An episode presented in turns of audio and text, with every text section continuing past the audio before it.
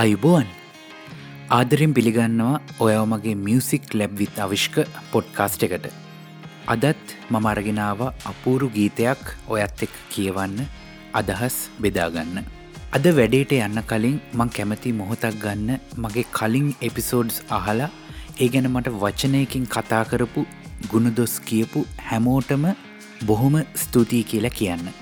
මගේ මේ පොඩ්කාස්ට් එකේ එකම අරමුණ අපේ ගීත සාහිත්‍යයේ තියෙන රහ ගීතයක් අර්ථරසයෙන් පිරුණු සංවේදී හිතට දැනෙන ඊටත් වඩා විශේෂයෙන් සාමාන්‍ය ගීරචනා වෙන මාතෘකාවලින් ඔබ්බට ගිහින් සමාජ සංසිද්ධීන් වෙනත් කෝනයකින් විග්‍රහ කරන ගීතයක් තෝරගෙන ඒ ගීතේ මම කියවපු හැටි ඔයත් එක්ක බෙදා ගැනීමයි.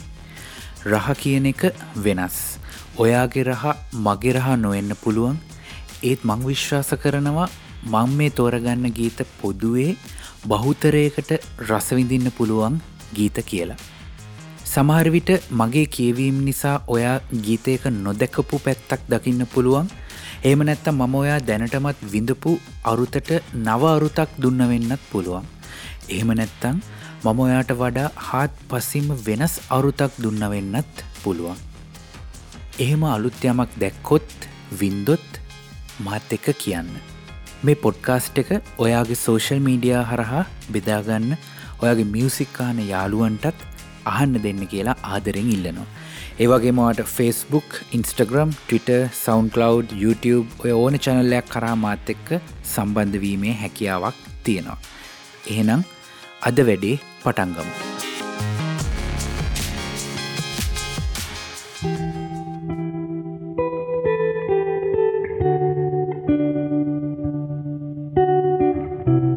මම අද එපිසෝඩ් එකෙන් සමහරවිට මේ අද කතා කරන ගීතයෙන් කෙනෙක්ගේ හිත ටිකක් රිදෙන්න්නත් පුළුවන්. එම් නැත්තං උපේක්ෂසාගත හැඟීමක් ඇතිවෙන්නත් පුළුවන් දුකක් ඇතිවෙන්නත් පුළුවන් සතුටක් ඇතිවෙන්නත් පුළුවන්. බලන්න ඒකත් මොන තරම් පුදුමයක්ද. එකම ගීතයකින් එකම වචන පේලියකින් මේ විදියට මිනිස්සුන්ට විවිධ හැඟීම් ඇති කරවන්න පුළුවන්වීමම මේ ගිය රචනාවෙන්නේ ප්‍රවීණ ගීපද රචක රවී සිරිවර්ධනයන් අතින්. මිට කලින් එපිසෝඩ් එකක මං එතුමා සුනිල් ඉදිරිසිංහයන්ට ලියව් මල් පිපිලා ගීතය ගැන කතා කළා. රවී කියන්නේ පෑන් තුඩින් පපුුව මැද්දට ඇනලා පපුුව තුවාල කරන කෙනෙක්. මේ විදිට රිද්ධපු ගීත ගණනාවක්ම ඔහු අතින් ලියවෙලා තියෙනවා. ගීතේ ගායනා කරන්නේ කරුණාරත්න දියුල්ගනේ. එතුමාගෙන අමුතුවෙන් විස්තර කරන්න උමනාවක් නැහැ. අපේ ශ්‍රී ලංකයේ සංගීත ක්ෂේත්‍රයේ ඉන්න හරිම දයාබර නිවුණු කටහඬක් ප්‍රවීණයෙක් එතුමගේ ගීත කහිපයක්ම මන් දැනටමත් ලෑස්ති කරගෙන ඉන්නවා ඊළඟ එපිසෝඩ්සල කතා කරන්න. සංගීතය ආචාර රෝහණ වීරසිංහයන්ගේ. රෝහණ විරසිංහ කරුණාරත්න දියුල්ගනය කියන්නේ අමුතුම ගැලපීමක්. රෝහණයන් අතින් හරිම රහ ගීතනු නිර්මාණය වෙනවා දියුල්ගනයට. මේකත් ඒ වගේ නිර්මාණය වුණු ගීයක්.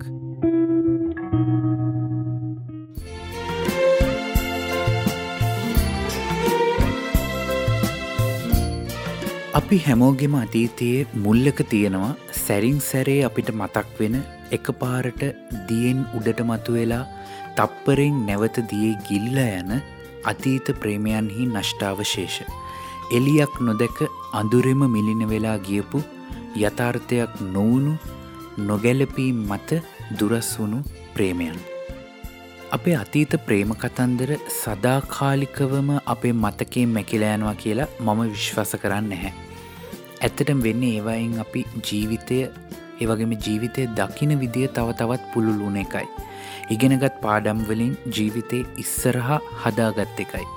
ප්‍රේමී විරහව ඔබ මීට කලින් අත්විඳලා හැබැයි අද සාර්ථක පවුල් ජීවිතයක් ගෙවනවා නම් ඔබ මොහොතකට ඒ සුන්දර අතීතය දිහා හැරිලා බලලා තියෙනවාද. ජීවිතයේ සාර්ථකත්වයට ළඟාවෙන්න නම් අතීතය වලලා දාන්න ඕනි කියලොව ගොඩක් ජීවිතය ජයගත්තු ලෝක ප්‍රකට ව්‍යාපාරිකීන් ක්‍රීඩකීන් ඇතුළු විවිධ ක්ෂේත්‍ර හරහා දියුණුවට පත්වනු හැමෝම වගේ කියන දෙයක්. ඒක හැම එක්කෙනාටම කරන්න පුළුවන්ද.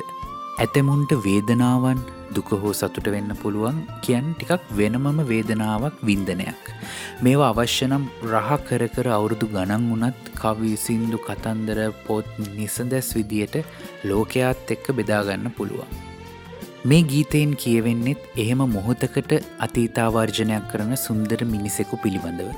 අතීතයේ වලදැමුණුවේ ප්‍රේමය ඒ ප්‍රේම වෘතාන්තය මොහොතකට මොහු ආයිත් කියවන්න පටන් ගන්නවා. රවිහරි ලස්සන වචනයකින් තමයි මොහුගේ කලින් පෙම්වතිය මේ ගීය පුරා හඳුන්වන්නේ. ඉපැරණි පෙම්වති. ප්‍රේමය බිඳියාමත් එක්ක සමහරවිට මෙයාලගේ සංවේදන සම්බන්ධතා බිඳිලයන්න ඇති. ඇය දැන් කොහේ ඉන්නවද මොනව කරනවද කියලා ඔහු දන්නේ නැහැ. ඇය දැන් විවාහ වෙලාද. දරුවන් ආදරෙන් රැකබලාගෙන හොඳ පවුල් ජීවිතයක් ගෙවන අම්ම කෙනෙක්ද. අතීතයේ දුක් කඳුළු පිසදාලා අමතක කරලා දැන් ජීවිතය අලුතින් පටන් අරන් ඒක සතුටින් විදින කෙනෙක්ද. මොහු මොහොතකට මේ ගැන ඔහුගෙම හිතින් ප්‍රශ්න කරගන්නවා. අම්මා කෙනෙක් බිරිඳක් වෙලා ලොවකාට හෝනුඹ උරුමැති සතුටින්ද ඔබ පෙරටත් වඩා මගේ ඉපැරණි පෙම්වති අම්මා කෙනෙක් බිරිඳක් වෙලා ලොවකාට වෝනුඹ උරුමැති සතුටින්ද ඔබ පෙරටත් වඩා මගේ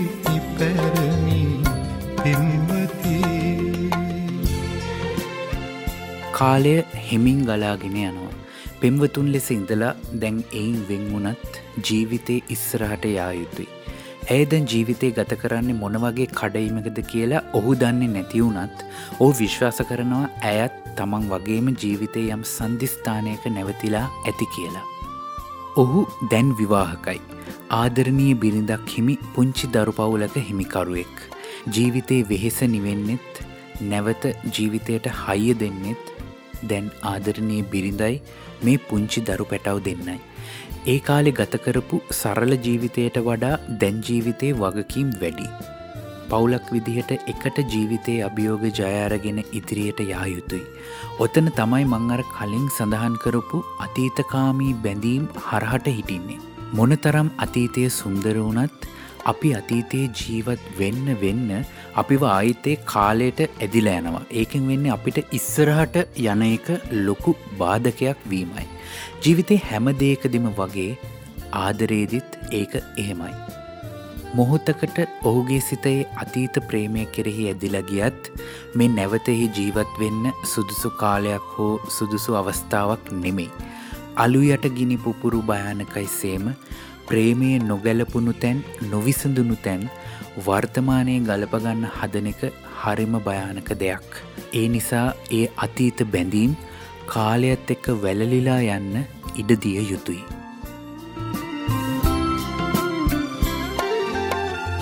මමද සැමියකි ඇයට අවනත දෙදරුවන් ළඟ නිවන සර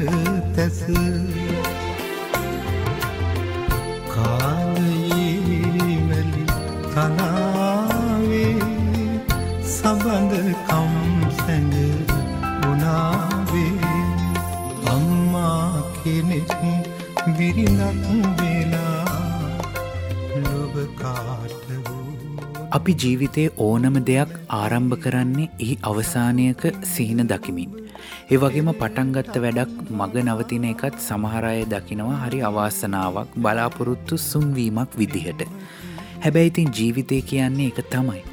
පටන් ගැනීම් නැවතීම් ආයිත් පටම් ගැනීම් කඳුපල්ලම් තැනිතලා මිනිස්සු නොමිනිස්සු ජය පරාජය සතුට ඇතුළු මුළු අටලෝ දහමම ජීවිත ගමනේ ගැබ් වෙලා තියෙනවා. වටින්නේ ඕක නිවැරදිව තේරුම් ගැනීමයි. ප්‍රේමයත් ඒ වගේ. ප්‍රේමයකදි දෙදෙනෙකුගේ සිතිවිලි සීයට සීයක් එකිනිකාට ගලපගන්න එක අවශ්‍ය වෙන්නේ නැහැ. බහුතරයක් ගලපගන්න පුළුවන්නම් ජීවිතේ එකට ගෙනියන්න එක ප්‍රමාණවත්. වෙනස්කම් තිබිය යුතුයි. එතකොටයි ප්‍රේමය වුනත් රහවෙන්නේ. ඒත් බහුතර සිතිවිලි හැඟීම් එකිනිකට පරස්පරයි නම් ඉස්සරහට යන්න ටිකක් අමාරුයි. මොහුටත් ඔහුගේ කලින් පෙම්වතියටත් එමන්නත්තං ඉපැරණි පෙම්වතියටත් සිද්ධ වෙන්නේ ඔවුන් දෙදෙනගේ ප්‍රේමය අතරමඟ නවතා දමන්නට. බොහෝ හේතු තියෙන් නැති එනිසා වෙන්න ඇති ඔවුන් තීරණය කරන්න ඇත්තේ වෙන්වෙන්න හැබැයි මොහු ඒ ප්‍රේමයට කවදාවත් වෛර කළේ නැහැ. මොකද එයි නිගෙනගත්ත පාඩම් බොහොමයක් ඇති හදාගත්ත වැරදි ඇති. ඒ නිසා ඔහු දන්නවා අද මේ ඔහු ජීවිතයේ යම් තැනකට ඇවිත් තියෙනවා නම් අතීතයේ එහි එක් පුරුකක් වුණේ මේ පෙම්වතියත් ඒ ලැබුණු ප්‍රේමයත් බව.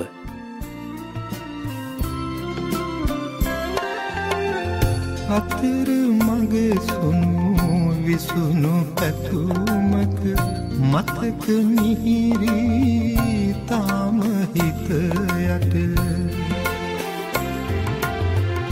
පරවුනක් මල් අතීතේ සුවඳ හදවත සමීපේ අම්මා කෙනෙක් බිරිඳක් වෙලා ලොවකාට හෝ නුඹ සතුටින්ද ඔබ පෙරටත් වඩා මගේ පැරණි පෙම්වතිී